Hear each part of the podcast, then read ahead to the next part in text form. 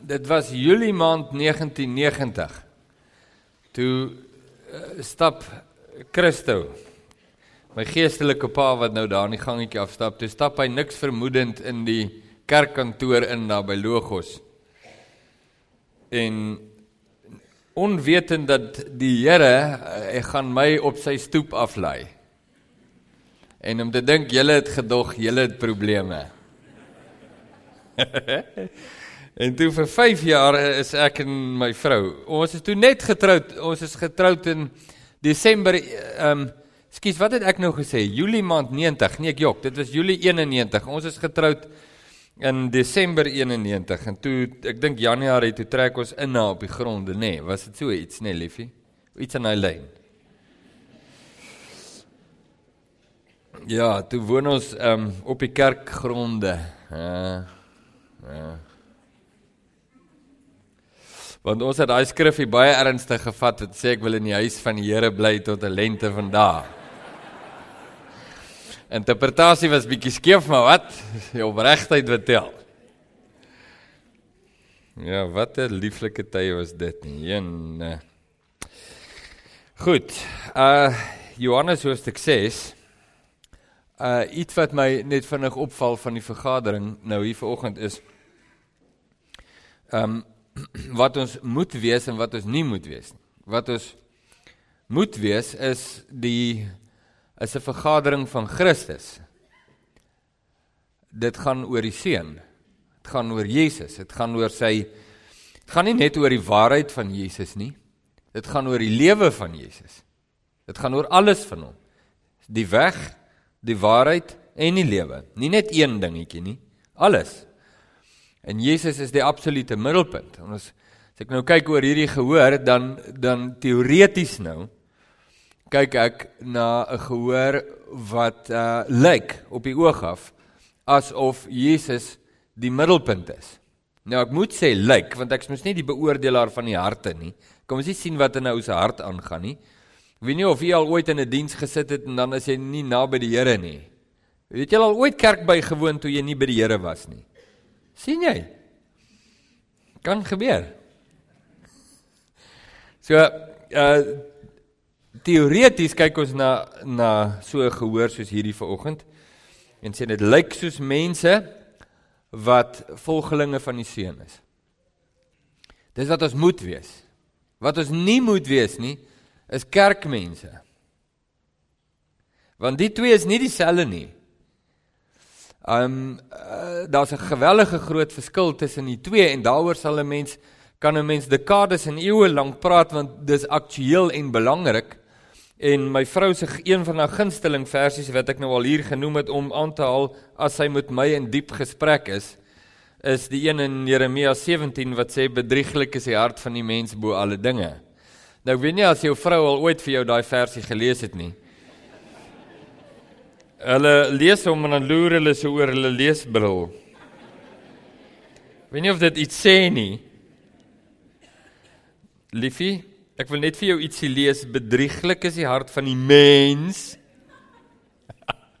Dis is wanneer my vrou sê 'n mens gooi nie jou wasgoed op die grond nie. Ken julle dit? Wanneer word 'n man 'n mens as hy trou? Wanneer sê sy vrou 'n mens doen nie dit nie, 'n mens doen nie. 'n Mens bedrieglik se hart van die mens. Bo alle dinge. Dis baie moontlik. Dis heeltemal moontlik en ek weet dit eerstehands deur bloot net na my eie lewe en my eie hart te kyk om te weet dat dit is heeltemal moontlik om uh, 'n posisie in te neem teenoor Jesus wat nie die posisie is wat hy sê nie en wat hy dikteer nie. Nou wil ek dit vir julle beskryf uit 'n situasie in Jesus se eie bediening wat baie ehm um, kragtig is en in Johannes hoofstuk 6 gaan ons nou net eers inspring. Dit is 'n baie lang hoofstuk, so ons gaan nie die hele hoofstuk lees nie. Uh maar net voor ek dit lees, laat ek net iets verduidelik vinnig. Um voor ek nou sê waar ons gaan lees. En dit is dat uh die hele evangelie van Johannes is 'n baie kosbare evangelie en is baie spesiaal geskrywe met 'n baie spesiale doel. Nou heel aan die einde van die evangelie in hoofstuk 20 maak Johannes dit duidelik hoekom het hy hierdie evangelie geskrywe, geïnspireer deur die Heilige Gees, maar ook um, as 'n eerstehandse uh ooggetuie van dit wat Jesus doen. Nou in um, hoofstuk 20 vers 30 en 31 sê Johannes ehm um, nog baie ander dinge het Jesus nie teenwoordigheid of baie ander tekens het Jesus nie teenwoordigheid van sy disippels gedoen wat nie opgeteken is in hierdie boek nie, hierdie boek van Johannes. Maar hierdie is opgeteken wat hy wel gedoen het. Hy het net 7 opgeteken in die hele evangelie. En nou sê hy, hierdie is opgeteken dat jy kan glo dat Jesus die Christus is en deur te glo lewe kan hê in sy naam. Nou dis baie belangrik dat mense dit verstaan want ons sien dat Johannes se die doel hoekom hy die evangelie geskryf het is sodat mense by die lewe sal uitkom. En die manier sê Johannes hoe hulle by die lewe gaan uitkom is hulle moet glo dat Jesus is wie hy gesê het hy is en dat hy kan doen wat hy gesê het hy kan doen. Dis belangrik dat hulle daardie pad loop want daar is nie 'n ander pad om by die lewe uit te kom nie. Nou net vir interessantheid is dis een van die grootste krisisse deesdae in moderne teologie want in moderne teologie sê die verkondigers daarvan dat daar dit is moontlik om by die lewe uit te kom op ander maniere in ander weë. Ons het nou die dag gehoor van 'n teoloog, teoloog hier in Stellenbosch wat sê dat Jesus is nie die enigste weg nie, maar hy's wel die beste weg. Ja, Maar nou net voordat jy nou hopeloos te verbaas en gebelgd in jou gees is oor sulke skeefgetrekte teologie, moet jy nou doodstil sit, want dit mag dalk nou net wees dat so 'n skeefgetrekte teoloog reg langs jou sit. En as jy 'n speeltjie dalk het, maak hom oop want jy gaan dalk in hom vaskyk. Maar nou is hy altyd lekker om dit te doen, nê? Nee?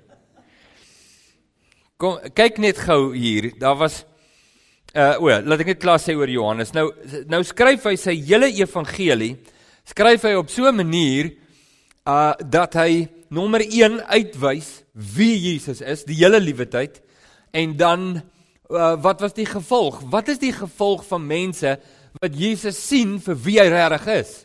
En uh en uh, Johannes het hierdie eienaardige eienskap in sy evangelie wat ontbreek by die ander in in Matteus, Markus en Lukas word daar van Jesus se wonderwerke gepraat as wonderwerke, maar in die evangelie van Johannes noem Johannes nie een keer Jesus se wonderwerke wonderwerke nie.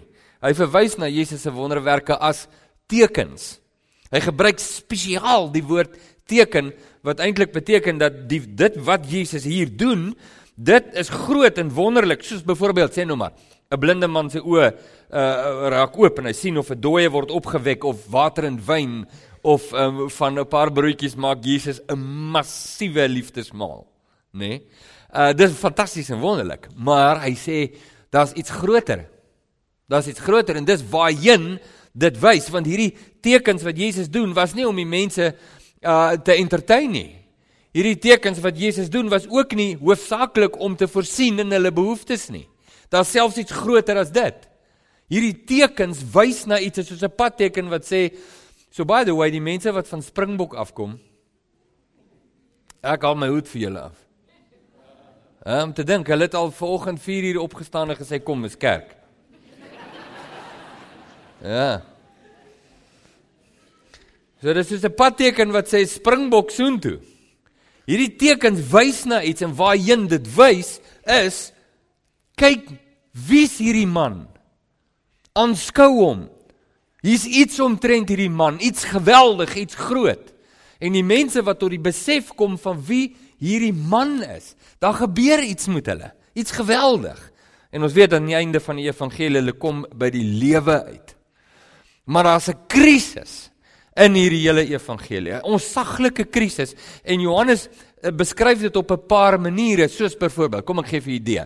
Hy sal die woorde gebruik dood en lewe lig en duisternis, geloof en ongeloof en 'n paar ander en hy wys en as jy kan soos die evangelie aangaan, voel jy my se spanning wat bou tussen lig en duisternis, tussen geloof en ongeloof, tussen lewe en dood. Daar in dit in dit bou op en as 'n crescendo, dit gaan eers heen. En natuurlik die een groot crescendo was toe die spanning van ongeloof en en en die leuen en duisternis so geweldig is dat dit ontplof in 'n hoogtepunt. En die hoogtepunt was die kruisiging. Waar hulle Jesus gryp. Hulle gryp hom en vermoor hom. Hou 'n spesiale kerkraadsvergadering en sê my hierdie man durf dit waag om aan ons magsbasis te torring. Ons wil niks met hom te doen hê nie. Kom ons ruim hom of, of vee hom af van die toneel af. Vermoor hom. Kom ons vermoor hom. Kom ons trek 'n streep deur hom letterlik. Hulle het baie probeer om 'n streep deur Jesus se integriteit te trek op verskillende maniere, maar maar hulle kan dit later net nie meer hou nie.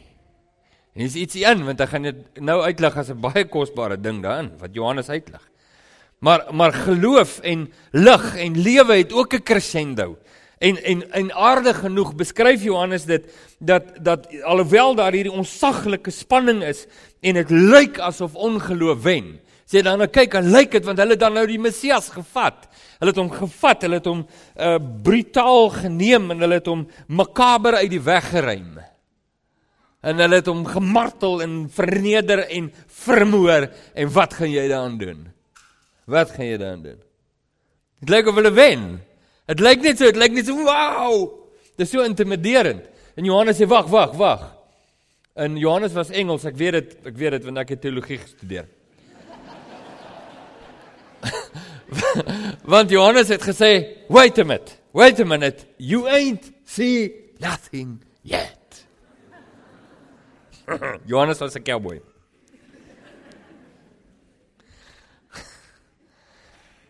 Today is Friday but Sunday is coming.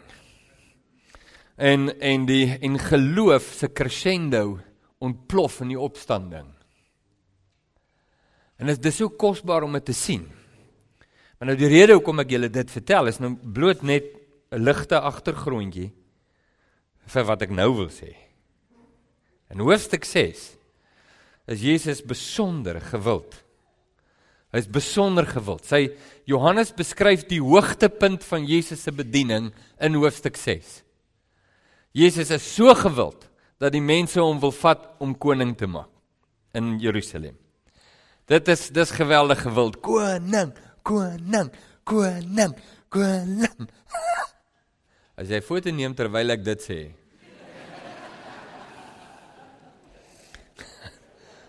Sien? So dis dis gewild. Jy's gewild dan, dink ek. Die mense is hulle is in hulle noppies. Hulle is hulle is Jesus is Jesus is regtig wit warm. So kom ons maak hom koning. En dan gebeur daar 'n snaakse snaakse ding. Jesus onttrek homself. Dis vreemd is dit nie? 1 2 Jesus sê iets Hy sê iets so erg. So erg dat hulle besluit nie net gaan hulle hom nie meer koning maak nie, maar hulle gaan hom nie meer volg nie. En hulle loop almal weg. Gaan nou vir julle lees. En al wat oorbly daai dag, al wat oorbly wat ons nou aflei wat Johannes hier beskryf is die 12. En Jesus draai na hulle toe en vra: "Wil julle my nie ook los nie?" En Petrus herhaal toe iets wat Jesus net 'n rukkie voor dit gesê het en gesê: "Here, waarheen sal ons gaan? Soos u dan nou self gesê het, u het die woorde van gees en lewe." En hulle bly. Maar wat 'n konflik. Ons gaan dit nou lees, jy gaan dit sien. Wat 'n onsaglike konflik wat plaasvind. Soveel so dat die mense Jesus net los. Nou die vraag wat jy vinnig moet vra hier in jou hart is: Waar reken jy sou jy gewees het daai dag? Sou jy in die die groepie gewees het wat gesê het Here waarheen sal ons gaan want die woorde van gees en lewe of sou jy die groepie gewees het wat gesê het dis te erg vir ons ons kan nie hierna luister nie en hulle loop weg. Nou nou kom ek sê nog een ding voor ons dit nou lees, dat jy dit sien. Die skare wat om Jesus staan was gedeel in twee dele. Nou ek weet nou nie hoe groot was die dele nie, maar toe maar wat sê nou maar net so in die helfte af. Die een deel noem ons disippels, ware disippels. Disippels wat beteken hulle is navolgers van Christus, hulle stap in sy voetspore, hulle doen wat hy doen. Hulle is onderworpe aan sy lering en sy autoriteit. En dan het ons meelopers. 'n meeloper is iemand wat net saamloop, maar nie baie toegewyd is nie. Maar hier's die ding. As jy na die skare kyk, kan jy nie onderskei wie is disippels en wie is meelopers nie. As ek na julle kyk vandag, is dit nie moontlik vir my omdat ek nie die kenner van die hart van die mens is nie, is dit nie moontlik om te sê wie van julle wat hier sit vanoggend is disippels en wie is meelopers nie. Ek kan nie dit sien nie. Maar die kans is baie groot dat hierdie gehoor ook vanoggend gedeel is in twee groepe, naamlik disippels en meelopers. Dat dit op die oog af lyk in enige groep, maak nie saak waar ek nie kan dit van enige groep sê. Dat dit op die oog af lyk of almal daar is en een ding in gemeen het, naamlik Jesus. En op die oog af kan dit waar wees. Maar daar's iets anderste in die hart van die mens wat maak dat hy op 'n gegeewe oomblik net van Jesus kan wegdraai en in heeltemal 'n ander rigting loop. Ek wil nou vir u wys wat dit is. Maar maar kom ek beskryf net vinnig wat is die ooreenkomste tussen disippels en meelopers? Kom ons begin by meelopers. Want dis is nou so half die groep wat jy nou voel. Jy weet dis nou half die die die ontroue groep, jy weet dis nou net bloot meelopers. Maar kom ons kyk net hoe lyk die twee groepe. Wat help dit ons dalk om te onderskei nou vandag oor wat in ons eie harte aan die gang is. 'n Meeloper is iemand wat besonder opgewonde is oor die lering van Jesus. Besonder opgewonde. Hulle kanselleer hulle naweekafsprake, miskien golf of visvang of wat ook al, en dan gaan hulle na die konferensies wat Jesus hou. En partykeer op 'n konferensie op plekke waar die fasiliteite nou nie te wat is nie. Soos die woestyn byvoorbeeld. En dan is die menu ook nie te wat nie. Hulle is heel naweek daar en hulle het niks geëet nie. Maar hulle gaan nog steeds. Huh? Not too shabby, hè? Hulle hulle is gaande oor Jesus se lering en uh, hulle is opgewonde daaroor en as hulle na die naweek se byeenkoms terugkom by die werk en hulle moet praat daaroor dan dan is hulle opgewonde en hulle vertel mekaar by die werk en sê luister was jy by die konferensie? Wat jy was jy by die konferensie? Nee. Jy weet nie wat het jy gemis nie. Maar die videoetjie is op YouTube, jy kan net gaan kyk. Sien, so aan praat hulle daaroor en sê, "Maar wie, wie, wie jy wat?" Wie? Toe daai Romeine na hom toe kom en hulle vra vir hom, "Here, maar wat in Jesus wie? Wie ek sou nou vir daai ou gesê het so, maar wie jy wat sê Jesus? Jesus sê en hulle vertel, is opgewonde. Wow! Geluister. Notas geneem, die hele toetie. Dis fantasties. Nog 'n interessante eienskap van 'n meeloper is Hy het voordeel uit Jesus se bediening. Sy sy siekes word genees. Sy do, sy dowes se ore gaan oop en blindes se oë gaan oop en dooies word opgewek en en water word wyn en hy eet ook van die brood wat Jesus vermeerder. En hy hy beleef die bediening van Jesus en hy voel dit aan sy lyf en hy en hy kan saam praat en saam opgewonde wees en saam wow Ongelooflik. Kom ek pause net gou-gou die meelopers daar en kyk net gou-gou na disippels. Hoe lyk hulle? Hoe hoe meet hulle op tot dusver? Wel, dan kan ons dieselfde sê. Ons kan sê disippels as ek nou so na hulle sou kyk so o, dan sien ek maar hulle is net so opgewonde oor Jesus se lering. Hulle woon ook se konferensies by. En hulle kanselleer ook hulle naweek afsprake en hulle gaan woon dit by en en hulle maak nie saak nie alles die fasiliteite nie te wat nie, nie menu nie te wat nie. Hulle woon dit by, so hulle fantasties. As as hulle in die week weer terug is by hulle werk, dan dan praat hulle en hulle vertel die mense en hulle is opgewonde en dit brand in hulle harte en soos jy Emmaus gangers gesê het, maar was ons harte nie brandend nie. Hulle harte is brandend, dis wonderlik. Maar jy al nie hulle put ook voordeel uit Jesus se bediening. Hulle blindes se oë word oopgemaak, hulle dowes hoor en hulle dooies word opgewek. Hulle drink ook van die die water wat wyn geword het en hulle eet ook van die brood wat vermeerder het. Hulle hulle beleef Jesus se bediening, hulle put voordeel daaroor, maar nog steeds op hierdie oomblik lyk albei groepe presies dieselfde. En dit is so, op daai tot op met daai punt is dit presies dieselfde. Wat is die verskil dan tussen hierdie twee? Nou moet jy saam met my lees. Ons begin by vers 60. Dit's 'n lang hoofstuk, ek het mos gewaarsku. Begin by vers 60. En baie van sy disippels het gesê, dis Johannes 6 vers 60, toe hulle dit hoor, hierdie woord is hard. Wie kan daarna luister? En Jesus het aan homself geweet dat sy disippels hieroor murmureer en hy sê vir hulle is dit julle tot 'n aanstoot. En as jy nou kan onthou en ek weet julle kan onthou, verlede jaar was ek hier en gepreek, kan julle dit onthou? Dit was eintlik 'n grappie want 'n mens sukkel om verlede Sondag se preek te onthou. Ons het verlede verlede jaar was ek hier met my gesin toe praat ons oor die onsaglike aanstoot wat Jesus veroorsaak in die lewens van mense. Hier vra Jesus vir hulle, is dit julle tot 'n aanstoot? Hoe dan as julle die seun van die mens daarin sien opvaar waar hy waar hy vandaan kom, tevore was? Dit is die gees wat lewend maak. Die vlees is van geen nut nie. Die woorde wat ek tot julle spreek is gees en is lewe, maar daar is sommige van julle wat nie glo nie. Wat nie glo nie. Glo nie dat ek is wie ek gesê het ek is en kan doen wat ek gesê het ek kan doen nie. Is dit kan dit beswaarlik so wees, kan dit wees dat in 'n groep wat rondom Jesus is en alles sien wat hy doen, nie glo nie. Jesus sê ja, sal nou sien. Want Jesus het van die begin af geweet wie hulle was wat nie glo nie en wie hy was wat hom sou verraai. En hy sê om hierdie rede het ek vir julle gesê dat niemand na my toe kan kom as dit hom nie deur my Vader gegee is nie. En hieroor het baie van sy disippels teruggegaan en nie meer saam met hom gewandel nie. Toe sê Jesus vir die 12: Wil julle nie ook weggaan nie? En Simon Petrus antwoord: Here, jy het dan nou net self daar gesê in vers waar was dit? Vers 63. Nou wie toe sal ons gaan? U het woorde van die ewige lewe. En ons het geglo en erken dat U die Christus is, die seun van die lewende God. Jesus antwoord hulle: Het ek nie julle 12 uitgekies nie? Een van julle is 'n duiwel. Hy bedoel Judas Iskariot, die seun van Simon wat hom sou verraai. En hy wat een van die 12 was. So nou hier's die ding. Die goeie goeie vraag sou wees wat het Jesus gesê wat so hard was? Wat was so moeilik? Wat het gemaak dat almal wat so gewild om weet Jesus is so gewild, hulle wil hom nou net koning maak.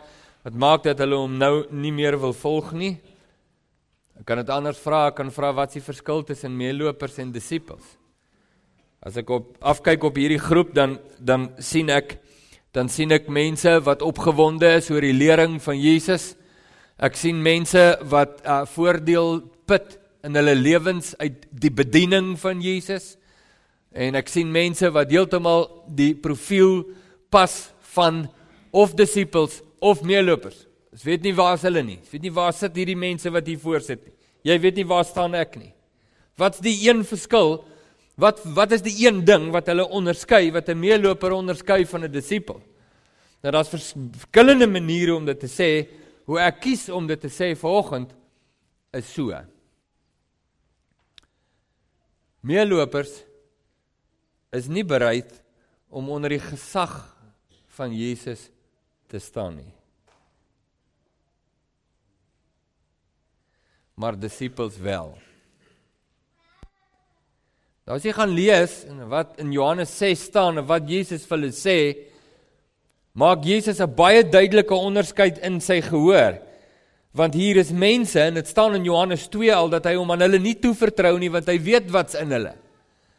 En hy sien hier's 'n klomp mense wat opgewonde is oor hom, maar dit gaan eintlik nie oor hom nie, dit gaan oor hulle. Hulle is by Jesus oor hulle, nie oor hom nie. Hulle is by Jesus oor die gevoel wat hy by hulle veroorsaak. Hulle voel so lekker en en lieflik en en so. Nie soos hierdie ding wat my oor irriteer hier nie. Hulle hulle voel hulle voel hy roer hulle harte en Jesus doen iets vir hulle. En as hulle behoefte het, dan kom hulle net na Jesus toe en hy bedien hulle. En hulle is by hom oor hulle. En Jesus sê, "Maar ek is nie hier vir julle nie. Ek is hier vir my." Klink so vreemd, is dit nie? Klink so vreemd. Jesus het nie gesê jy's die weg, die waarheid en die lewe nie, hy is. En daar's net een manier hoe ek en jy by die lewe kan uitkom, is ons moet op sy weg wandel want dit gaan oor hom, gaan nie oor jou nie. Dit gaan nie oor jou behoeftes nie, dit gaan nie oor jou toekoms nie, dit gaan nie oor jou verlede nie, dit gaan nie oor jou nie. Dit gaan oor hom. En wat Jesus soek is mense wat bereid is om afstand te doen van hulle self ter wille van hom. Maar jy sien meelopers wil nie want meelopers sien die gap. Meelopers weet dat hier's hier's my lewe en my lewe is nie vreeslik um volledig nie, maar wow, hier's Jesus. Haha, tada! Hy gaan my lewe, hy gaan my lewe volledig maak. Jesus sê ek het nie gekom om jou lewe volledig te maak nie, ek het jou gekom om 'n heeltemal nuwe lewe te gee. Ek het nie gekom om net jou lewe te patch up nie. Ek is nie hier met 'n handdoekie oor my hand om te sê wat kan ek vanoggend vir jou doen? Jou kinders beskerm. Alraai, wat kan ek nog doen? Kinders beskerm, finansies, ek het gesien daar's 'n bietjie probleem. Bietjie meer, hoeveel wil jy hê? Alraai. Maar tog is dikwels is ons gebedslewe weerspieël dat dit is eintlik die verhouding wat ons met Jesus het. En Jesus sê en wat gaan ek maak? Wat gaan jy maak as ek nie doen wat jy wil hê ek moet doen nie? Wat gaan jy dan doen? En Jesus vertel vir hulle. En hy sê vir hulle, dis nou my woorde, ekskuus, jy moet nou self gaan lees wat hoe Johannes dit beskryf. Maar Jesus sê vir hulle, dit gaan nie oor julle nie, dit gaan oor my. En as jy nie volledig deel het in my nie, het jy nie die lewe nie. Jy moet volledig onder my gesag staan. Weet jy, weet jy wat is die een ding van my bedrieglike hart soos my vrou dit beskryf? Ek wil baie baie graag uit die gesag van Jesus leef. Nie onder die gesag van Jesus nie. Ek's mal daaroor om uit die gesag van Jesus te leef. Fantasties. Maar wat Jesus van my vra is, sê Rickert bedrieglik is die vlees. Die vlees sien 'n gap vir Jesus om koning te raak in Jerusalem, want sal dit nie wonderlik wees om 'n koning te hê wat brood kan vermeerder nie. Jesus sê dis nie hoekom ek gekom het nie. Dit lyk op die oog af reg. Dit lyk julle wil my koning hê, maar ek weet wat in julle harte aan die gang is. Julle wil my koning hê nie oor my nie. Julle wil my koning hê oor julle. Omdat ek julle prentjie pas. Daarom wil jy my koning hê en dis nie hoekom ek gekom het nie.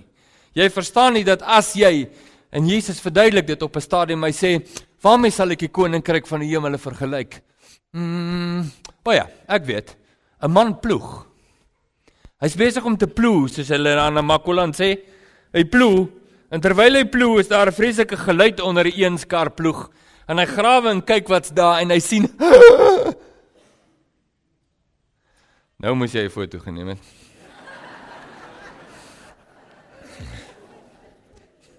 vir die webblad. Hy sien daar's 'n skat.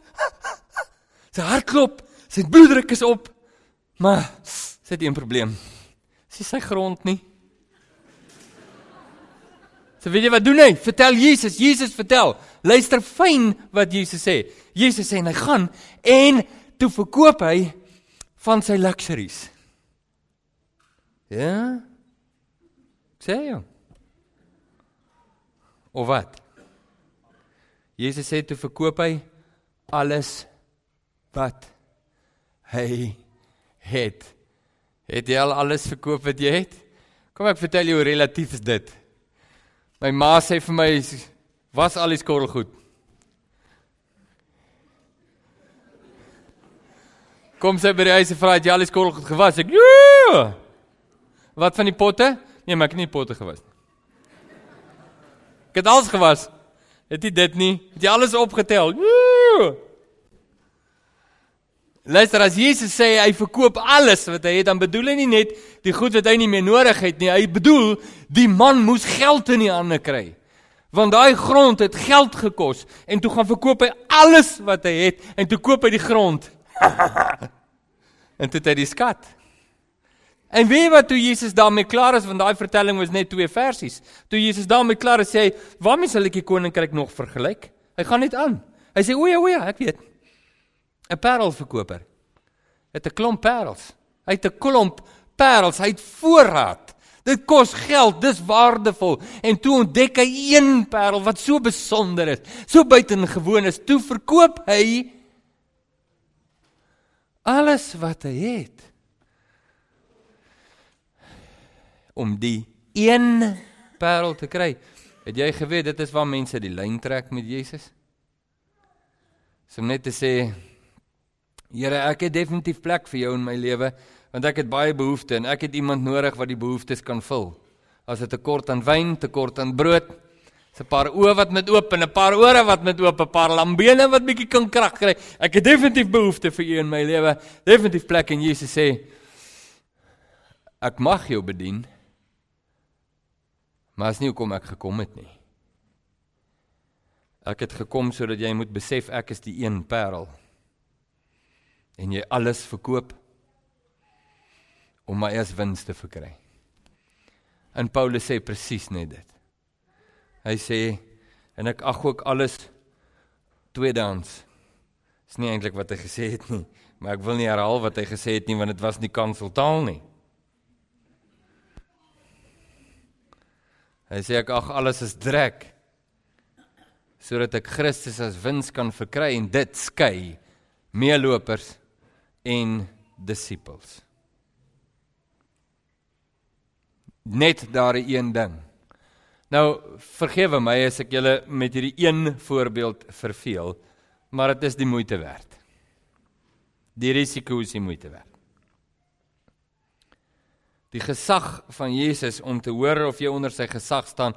Weet julle waar loop ek toenemend vas is mense wat kampvegters is vir die waarheid van Jesus. Ek het gister weer so 'n insident gehad. Kampvegters vir die waarheid van Jesus, maar op so 'n manier dat hulle die karakter van Jesus verloon. Weet jy hoe weet jy iemand staan onder die gesag van Jesus? Luister mooi. Ons sê nie of jy of jy opgewonde is oor die lering van Jesus nie. Ons vra nie of jy voordeel trek uit die bediening van Jesus nie. Ons vra, hoe weet jy iemand en dan bedoel ons mos nou eintlik jouself.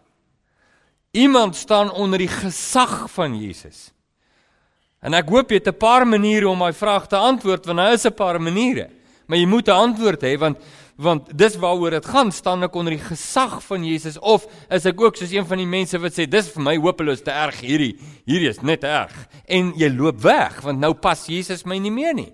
Kan dit waar wees dat op hierdie lieflike postmoderne Sondag in 2016 Jesus jou nie meer kan pas nie? Ja, dit kan baie maklik gebeur. Hoe weet jy iemand staan onder die gesag van Jesus? Dis belangrik. Nou ek wil hê jy moet saam met my blaai laastens na 'n skriffie in Galasiërs wat mos nou nie die baie gawe brief is van Paulus nie want hy was taamlik omgeëlie toe hy die brief geskryf het. Paulus was ehm um, baie ouens sal sê Hy het lae bloedsuiker gehad toe hy hierdie brief skryf. Maar uh, Paulus was diep ontroer in sy hart en ontstel oor wat aangaan in die gemeente. En uh, die een gedeelte wat ons almal ken, baie baie goed ken en as jy dit nou lees, Galasiërs 5, jy kan sien toe gaan, dalk raai jy nou al klaar wat moontlik kan dit wees want Galasiërs 5 is so belangrike belangrike jy weet hoofstuk en Baie van ons versies wat ons al geleer het in die verlede kom uit Galasiërs 5, soos byvoorbeeld Galasiërs 5 vers 22 wat sê die vrug van die Gees, almal ken dit, eh, dink ek, nê. Nee.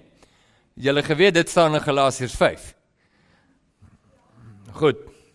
Vers 16 sê: "Maar ek sê wandel deur die Gees, dan sal julle nooit die begeerlikhede van die vlees volbring nie." Onthou Jesus het gesê hy die woorde van Gees en lewe maar wat mense dikwels in die raak sien nie is dat hierdie roemryke perikoop. Ek het geleer aan daai woord. Hierdie baie bekende hoofstuk oor die gees en die vlees het twee versies in wat krities is vir die verstaan daarvan.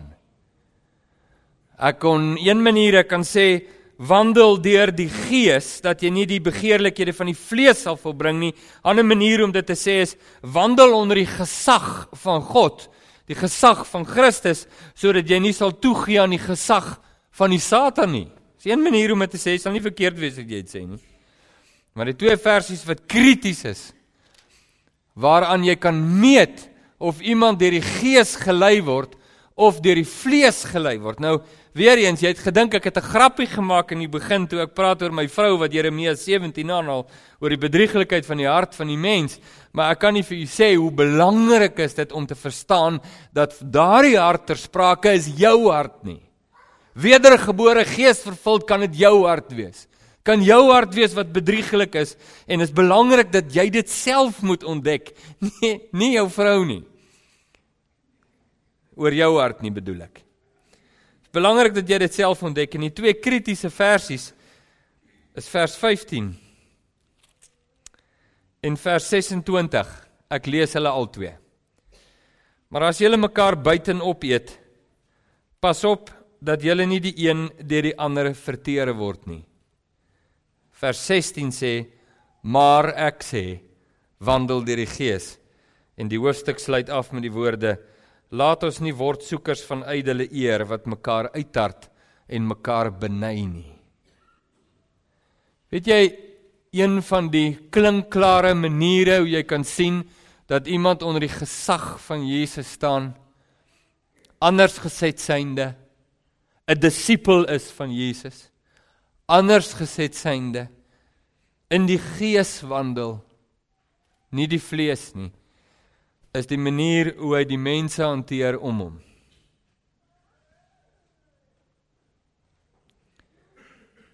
dis hoe jy weet en die voorbeeld wat ek nou-nou wou genoem het tot vervelings toe is die voorbeeld waar Jesus sê julle moet julle vyande lief hê Onthou u die voorbeeld? Ek dink ek het dit al eenmal hier genoem. En wat sê jy as Jesus sê jy met jou vyande lief hê, dan sê jy ek weet nie wat jy sê nie, maar miskien sê jy iets soos maar Jesus was nie met my vrou getroud nie. Of Jesus het nie my skoonma gehad nie.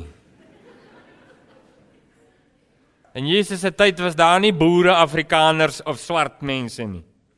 Ek weet nie wat jy sê nie, Maar daar's allerlei snaakse maniere om onder die gesag van Jesus te probeer uitkom en die manier hoe jy dit gaan meet dat iemand onder die gesag staan is nie dat jou doktrine reg is nie. Prys die Here vir regte doktrine. Maar een van die probleme in Galasiërs was juis hulle gevegte oor regte doktrines. En in in hulle geveg oor die regte doktrine want jy die besnydenis en die teen die verbesnydenis en die teenbesnydenis en iemand was verkeerd en iemand was reg en Paulus sê maar niks daarvan is nou ter sprake nie. Hy hy vat hulle verkeerde teologie aan. Ja, maar hy sê daar's iets belangriker wat julle moet verstaan. Julle is besig om mekaar te byt en op te eet. En in julle proses beny julle mekaar, sê hy, daar's aaklige, julle tart mekaar uit, word soekers van ydelle eer en in die proses terwyl jy reg is, jou doktrine is reg, maar jy verstaan nie dat jy nie onder die gesag van God staan nie. Jy beklei vir God sonder dat jy onder sy gesag staan. Jy beklei vir God, maar nie in sy gees nie. En dis dis dis sigbaar in die manier hoe jy mense hanteer. Selfs die ouens wat verkeerd is, hoe jy hulle hanteer. En ek weet dis waar. Weet jy hoe weet ek dit? Ek kyk nie verder as 4 duim van my neus af nie. Reg af hier net. Ek kyk na my eie hart en ek weet dis waar. En ek weet dat om 'n navolger van Jesus te wees, sê Jesus, hoor hier, luister mooi, dit het prys die Here vir lekker sang. Ons het meer van dit nodig. Prys die Here vir gesalfde konferensies, ons het meer daarvan nodig. Prys die Here vir geseënde woord, ons het meer daarvan nodig, maar ons het meer as dit nodig. Wat ons nodig het is om te stap waar Jesus gestap het. En hoe jy dit gaan meet is hoe jy die ou hanteer wat reg langs jou sit. Kan ek dit vir jou bewys? Jesus sê Julle groet net die wat julle groet. Wat besonder doen julle? Wat besonder doen jy? Ons wil graag iets besonder doen. Jesus sê wel doen iets besonder. Wees kinders van julle Vader wat in die hemel is. Groet die wat julle nie groet nie. Seën die wat julle vervloek. Wil julle onder die gesag van God staan? Wil julle lyk soos hy lyk? Wel, hier is die weg. En as jy regtig onder my gesag staan en jy doen wat ek sê, die wysheid wat van bo kom is ten eerste rein en dan is dit vriendelik en vredelewend. As jy regtig onder die gesag van God staan, laat dit sigbaar wees in jou lewe as jy aanspraak daarop maak dat jy in die Gees wandel, laat dit wees die Gees van Christus en nie 'n ander gees nie. En die Gees van Christus is sigbaar in die manier hoe mense hanteer word. Is dit nie ongelooflik nie? En daar's een ding, daar's een ding, ek is okay daarmee. Weet jy, mense is bereid. Mense, ons het nou nou maak ons 'n grappie. Mense is bereid om te vas. Mense is bereid om baie ontberinge deur te gaan. Mense is bereid om in hulle lewe nooit weer jeans te dra nie. Julle kan bly wees, ons kom met die ek kom met die era uit waar jy nie mag jeans dra nie. Want dit was die klere van die anti-kris. Weet nie hoekom in die anti-kris altyd die lekker klere gehad nie. Ons is bereid. Ons is bereid om ons liggame te kastei en ons is bereid om deur geweldige ontberinge te gaan en onsself te dissiplineer en so aan, maar daar's een ding, daar's een ding wat ons harte ontbloot. vir wie ons regtig is. Regtig in die gees of in die vlees. En dit is Wat doen jy met die ouens om jou? Kan jy vergewe? Kan jy? Kan jy lief hê? Kan jy ophou om te byt en op te eet? Ek hoor nou die dag sê o, my eet predikante vir ontbyt. Gewoonlik sê jy dit met die woord papi tussenin. Het jy dit al gehoor? Ek het predikante vir ontbyt, papie. Is dit 'n feit? Wat 'n aklige ontbyt om te hê.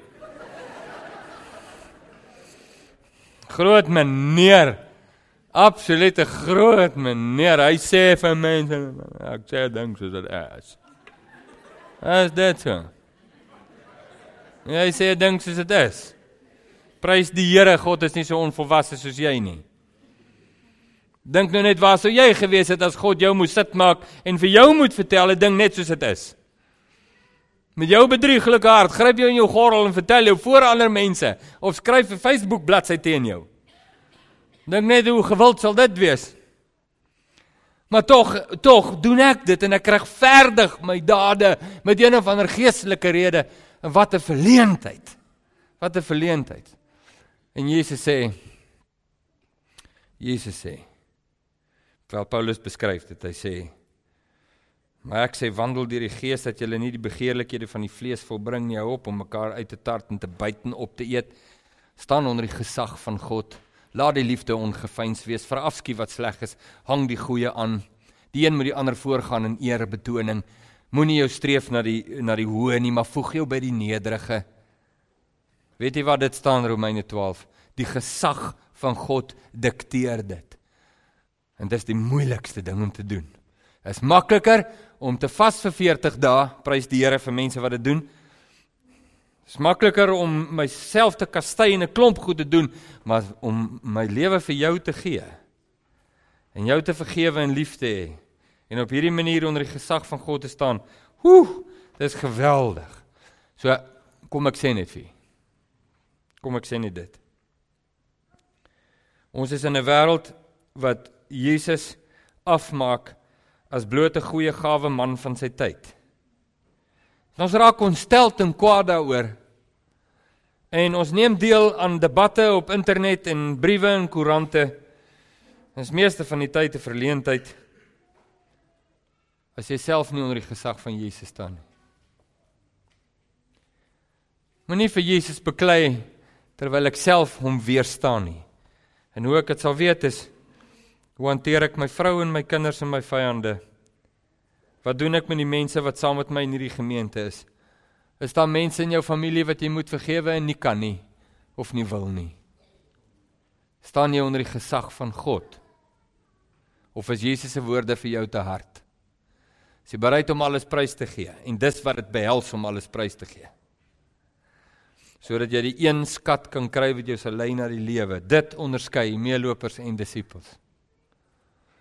Kyk ek na u vandag en u kyk na my en u wonder as ek 'n disipel of 'n meeloper, jy sal nie weet nie.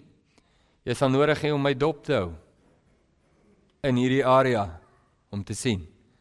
Staan ek onder die gesag van God? Of praat ek hom net na? Put ek voordeel uit sy bediening? Wil meer hê hy moet meer bedien en nog bedien? Maar hy moenie van my eis nie. En daardie vraag moet jy self vra vir jou eie lewe. Waar staan jy? Dis geweldig belangrik vir 'n vergadering soos hierdie. Geweldig. Geweldig belangrik. Ek wil saam met u bid. Want ek het dit nodig. Ek het dit werklik nodig. My hart het dit nodig want ek besef hoe bedrieglik is my hart in hierdie area. As jy as jy voel dat jy 'n behoefte in jou hart om te sê Here, ek loop waarskynlik gevaar dat ek meer 'n meeloper is as 'n disipel. Ek is baie gretig om voordeel te put uit die bediening, maar glad nie so gretig om onder die gesag te staan nie. As jy dink dis jy, dan het jy nodig om dit vir God te sê, erken dit, begin met 'n erkenning. Sê, Here, Here, U weet hoe ek voel, maar ek besef net my hart in hierdie area. Ek het nodig om met hierdie saak voor U te staan. Here, hier's my hart. Dan wil ek jou nooi om met saam met my te bid. Ons gaan dit voor die Here hou. Ek gaan nie vra dat jy spesiaal staan of jou hand opsteek nie, maar Ek wil hê dat jy dit voor die Here moet bring, is geweldig belangrik.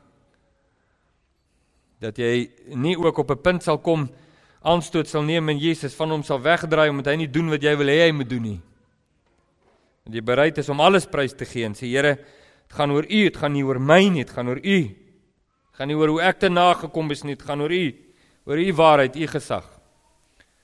Kan jy saam met my net daaroor bid? Here Jesus, Baie dankie, dankie vir u bediening in ons lewens. Dankie Here dat u die Here is, dat u die weg, die waarheid en die lewe is. Dat u nie bykomend is nie. U is nie 'n accessory tot my lewe nie. U is die lewe.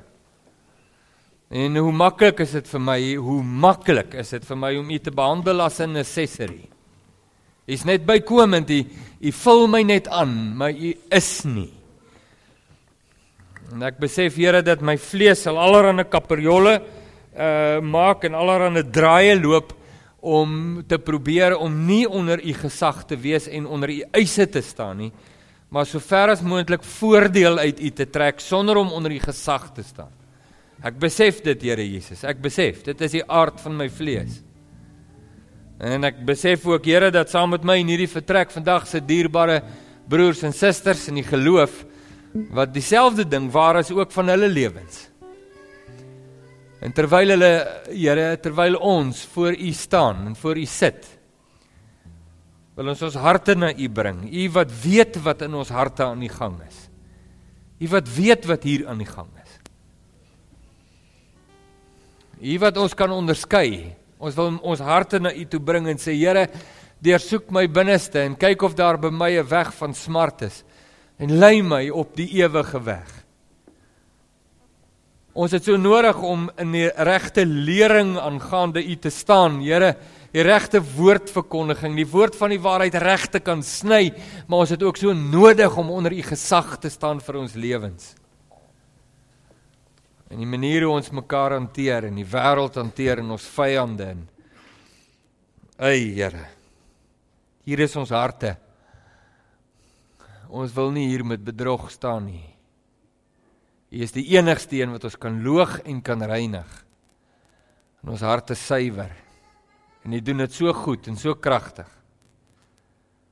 Here Jesus vir elke persoon wat nou op hierdie oomblik voor U in erkenning staan oor hulle eie harte, die mate wat hulle hulle harte oopmaak, bid ek dat U hulle sal bedien met krag. En met reinheid met die waarheid. Waarheen sal ons gaan, Here? Het die woorde van gees en lewe. Onder u gesag wil ons wees en nêrens anders nie. Dankie vir u bediening en u teenwoordigheid in ons midde in Jesus se naam. Amen en amen.